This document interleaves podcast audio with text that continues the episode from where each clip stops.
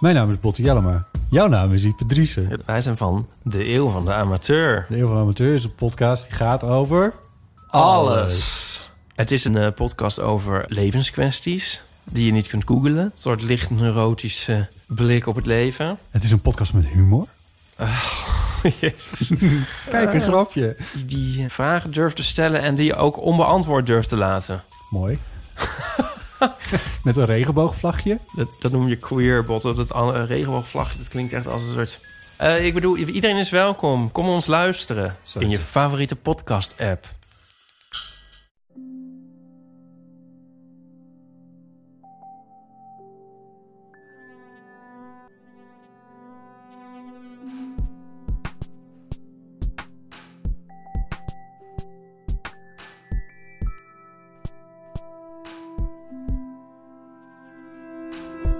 Hallo, ik ben Pieter van Relaas. In Relaas hoor je waar gebeurde verhalen en die worden verteld door de mensen die ze zelf hebben meegemaakt.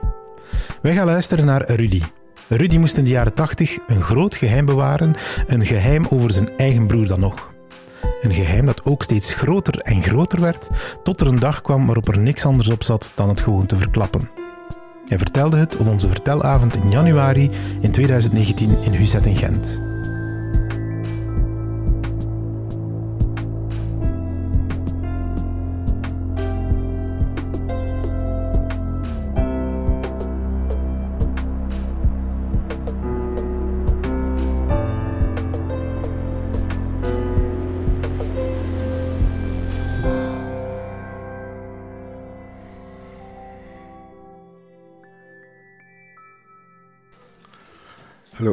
Mijn stem is een beetje zwak, maar er was een voetbalmatch gisteravond in Oostende en, en ik was daar.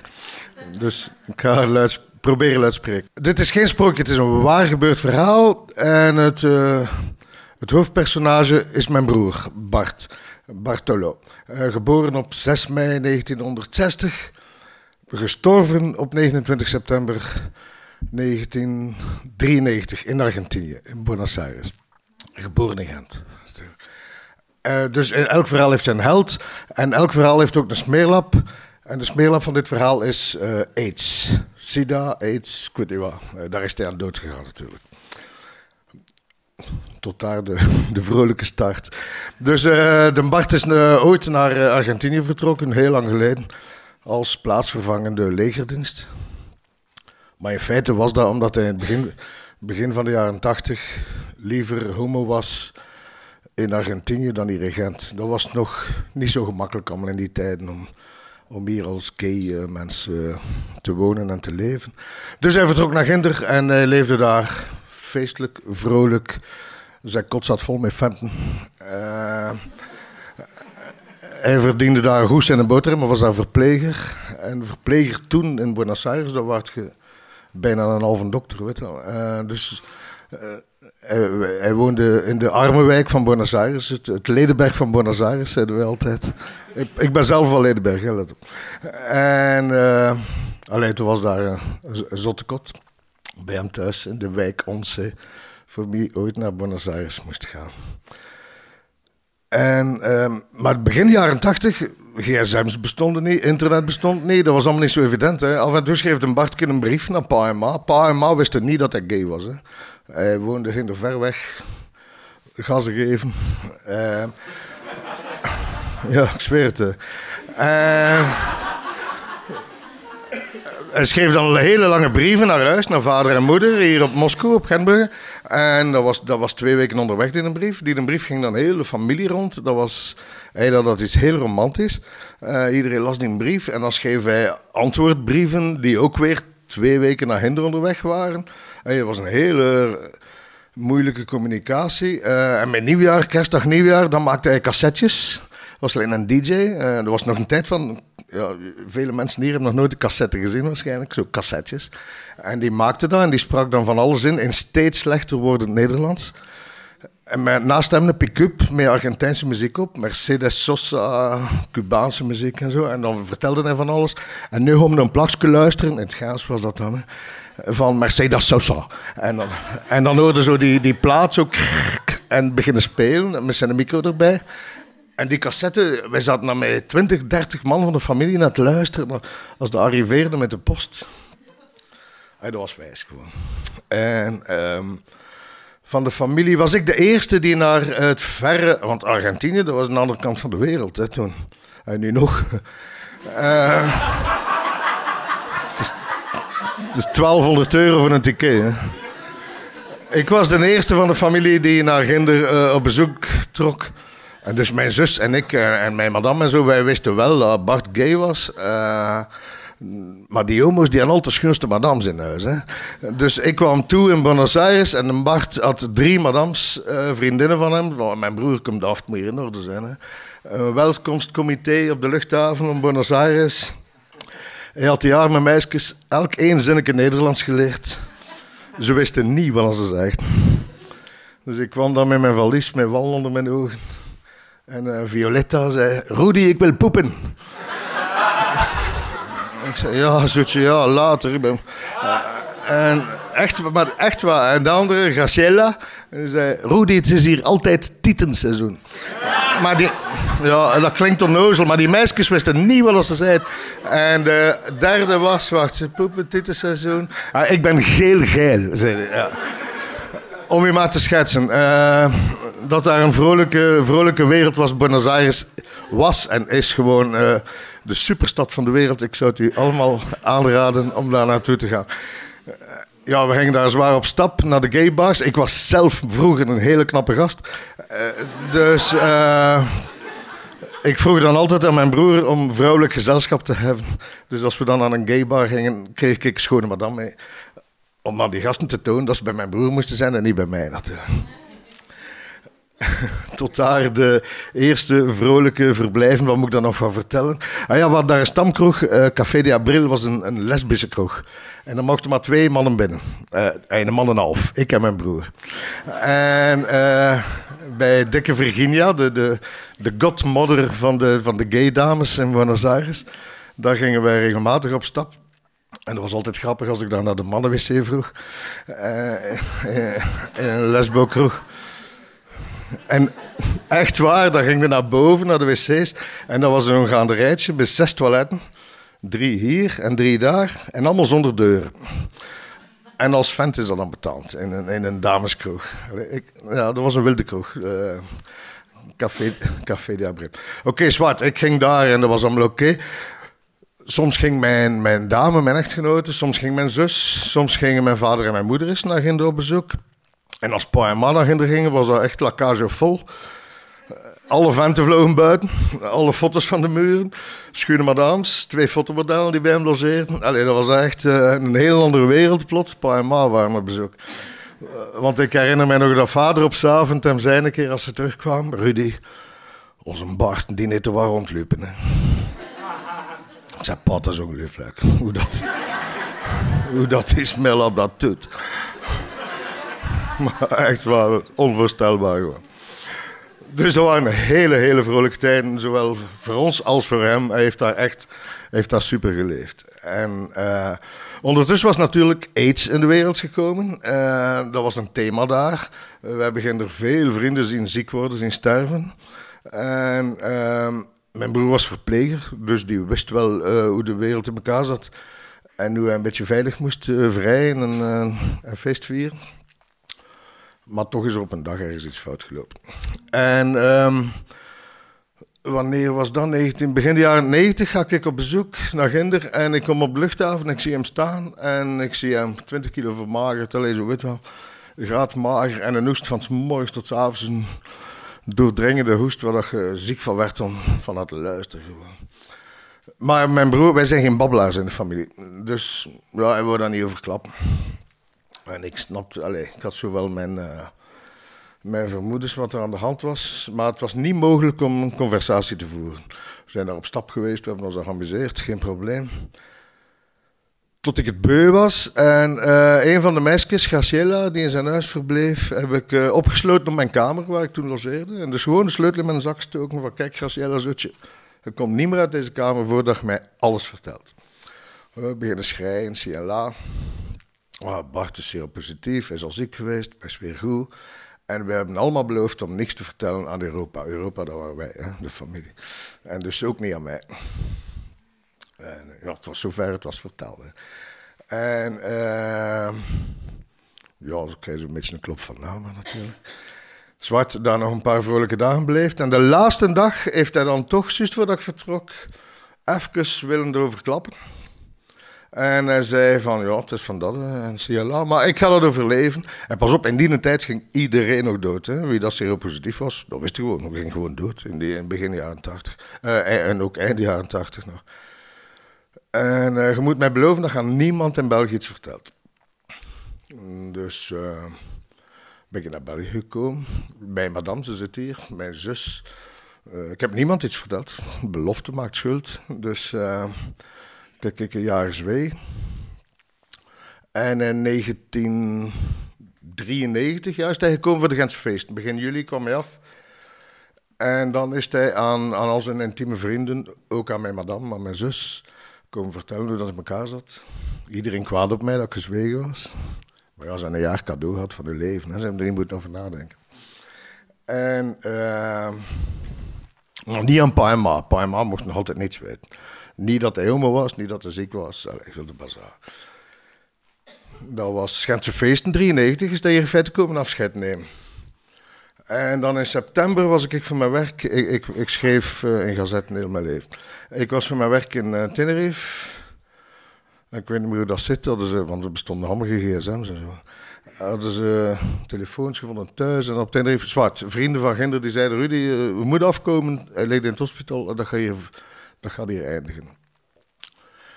En dan, eh, ja, hup, van Tenerife naar Gent. Met mijn overleg met familie, mijn zus en zo. Van we moeten pa en ma verweten, die meest. En, eh, en ik kon het niet, ik zat maar te blijten en te blijten. Mijn zus is dan bij eh, mijn ouders geweest en gezegd: Ah, pa en ma, de Bart, ten eerste hij zomo, ten tweede is seropositief. Ten derde leed op sterf. Er zijn iets vrolijkere boodschappen om over te brengen. Eh, de vliegtuigtickets waren geregeld. Mijn schoonbroer is meegegaan. En we gingen dan, we wisten wij nog niet hoe lang hij ging leven. Eh, om de 14 dagen iemand afwisselen om naar daar te gaan. Maar gelukkig in feite, en het klinkt raar, maar gelukkig, na, ik denk na vijf dagen of zo. En eh, mijn pa en ma waren erbij, is daar gestorven. En, en Ginder wordt je op één dag begraven. De, wegens de warmte is dat, als je sterft, wordt je binnen de 24 uur begraven. Dus pa en ma hebben dat kunnen meemaken was allemaal een beetje, eh, ja, triestig uiteraard. Zwart, dus ze zijn teruggekomen naar hier. Ah, Ik ben een maand later naar daar gegaan om eh, van alles te regelen, administratief. En dat is dan ook weer Zuid-Amerika. Iemand is dood, maar ja, hij gaat dan ook wel een beetje feest vieren. Weet wel, de Bart was een feestwarken. Eh, we gaan hier een receptie geven in het lesbische café, Café de Abril. Heb ik een groot café eh, eh, feest georganiseerd. Met dollars van mijn pa en mijn ma. Eh, met alle vrienden en, en, champagne en bier en schuimwijn. En dat was een heel leuk feest ter ere van de, van de broeren. En één detail wil ik u daar nog van vertellen.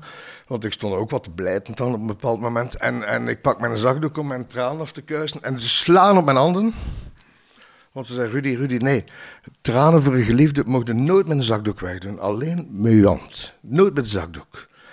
En dat is 93. Sedert dan heb ik trouwens nooit op een begrafenis nog een zakdoek gebruikt. Altijd mijn hand. Iemand die geraakt zit, moet mijn hand. Dat, was daar toen. En, en je moest ook een klein klutsje in je glas laten. Voor zo over je schouder, zo voor de dooi. Hè. Dus heel die café zouden altijd maar klutsen champagne vliegen. Voor die smel af van mijn broer en naar boven.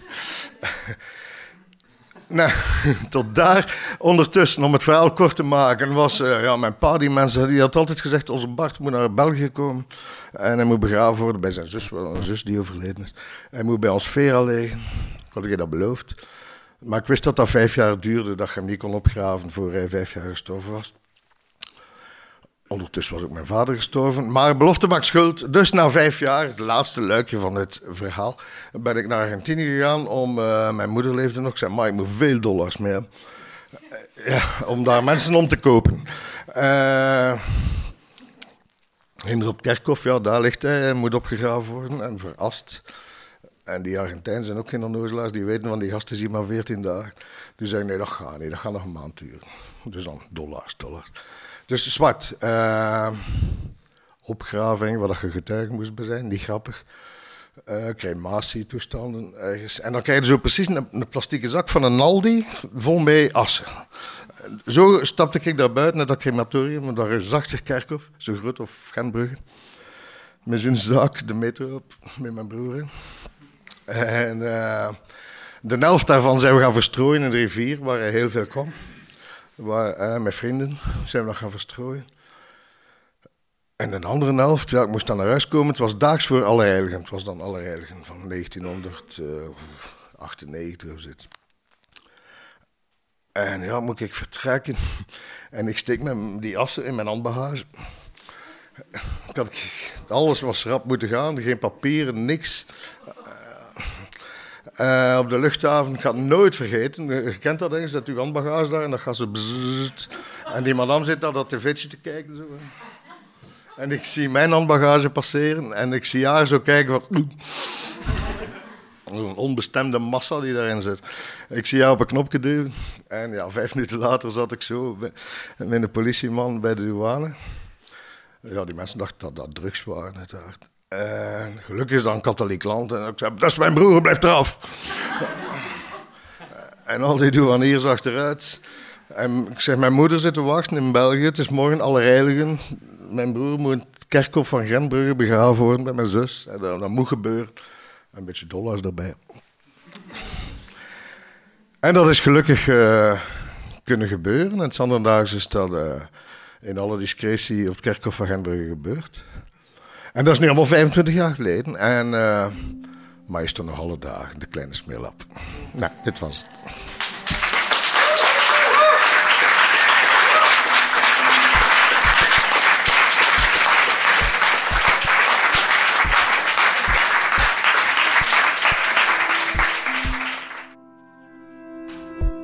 Dat was het relaas van Rudy. Hij vertelde het in Husset in Gent. Het was in januari van 2019. Rudy, dat is de vader van Eva Moeraert. Eva Moeraert is ook al eens bij Relaas haar pechverhaal op reis komen vertellen. Een paar jaar geleden heeft Eva trouwens zelf een radiodocumentaire gemaakt over haar onkel Bart. Die documentaire heet Il Tio Bartolo, dat wordt zo gezegd in Spaans. En wij gaan eens naar het begin luisteren van die documentaire. Dan hoor je ook echt hoe die cassettes klinken die Bart naar Europa opstuurde. Dag pa, dag ma, dag eh, Pepe, dag Meme, dag Rudy, dag Katrien, dag Kim, dag Eva. Dit was Bart, mijn oom uit Argentinië. Nokkel Bart was zo'n beetje de mythische figuur uit mijn jeugd. Want toen ik drie jaar was, is hij vertrokken naar Argentinië. Een paar keer kwam hij naar België op bezoek. Maar ik ken hem vooral door de cassettes die hij opstuurde. Vol muziek en verhalen over het verre Zuid-Amerika. Ik zit er nu in thuis van een vriend, van een vriend en die noemt Louis. En Louis ga je nu de groeten doen. Louis Beniaca, da saludos. Eh, hola, ¿qué tal? Voilà, dat was er zoiets van, hoe is het ermee? Met de hele familie zaten we dan aan de radio gekluisterd om te luisteren naar zijn ondertussen al gebrekkig Nederlands. Vandaag is het hier snikheet, het is weer eens 30 graden, wat een verschil met België. Want wij horen hier dus de een na het ander bericht van Europa dat ze daar de strengste winter hebben sinds jaren. Hier het tegendeel dus. We leven met een zon en met een temperatuur en ganse dag met een, eh, hoe noemt dat spul? De, ja, dat verse lucht brengt. En ehm, de ventilator. Toen ik dertien was, is onkel Bart gestorven. In Argentinië. Dag Rita, dag Koen, dag eh, Veerle, dag Steven, dag Leven. Pas een hele tijd later vertelde papa mij dat mijn onkel homo was en aan aids was gestorven. Relaas is niet alleen een podcast, Relaas is ook een collectief van mensen. Een collectief van verhalencoaches, producers, podcastkenners, eventorganisatoren en ga zo maar verder. Je kan ons allemaal leren kennen via de website, maar ook in het echt op een van zo'n relaasvertelavonden. Wij zijn, zoek ons maar, Sarah de Smet, Egwin Gontier, Katlijn de Vries, Stefan Greijaert, Sarah Latree, Timon van de Voorde, Lynn Somers, Rick Merci, Annelien Schelstraten, Marlin Michels, Ruby Bernabeu Plaus, Jurgen Strooband, Lisbeth Taning, Steve Konaar, Charlotte Huigen, Evita Nocent, Dieter van Huffel, Philip Cox, Silke Dury, Tesse Amelink en ikzelf ben Pieter Blomme. Kom met ons in contact via hallo.relaas.be. Relaas zou niet bestaan zonder de stad Gent en de Vlaamse gemeenschap. En wij krijgen ook heel veel hulp van Urgent FM, Den Hopzak, Chase, Huset en Pulp Deluxe. En jij kan daar ook een schepje bovenop doen. Moest je tijdens dit verhaal aan iemand denken toen je dit beluisterde, wel stuur dat verhaal door naar die persoon, exact naar die persoon en het hoeft niemand anders te zijn. Je doet hem of haar daar een plezier mee, je toont dat je aan hem denkt en wij krijgen er weer een luisteraar bij. Dank u wel daarvoor.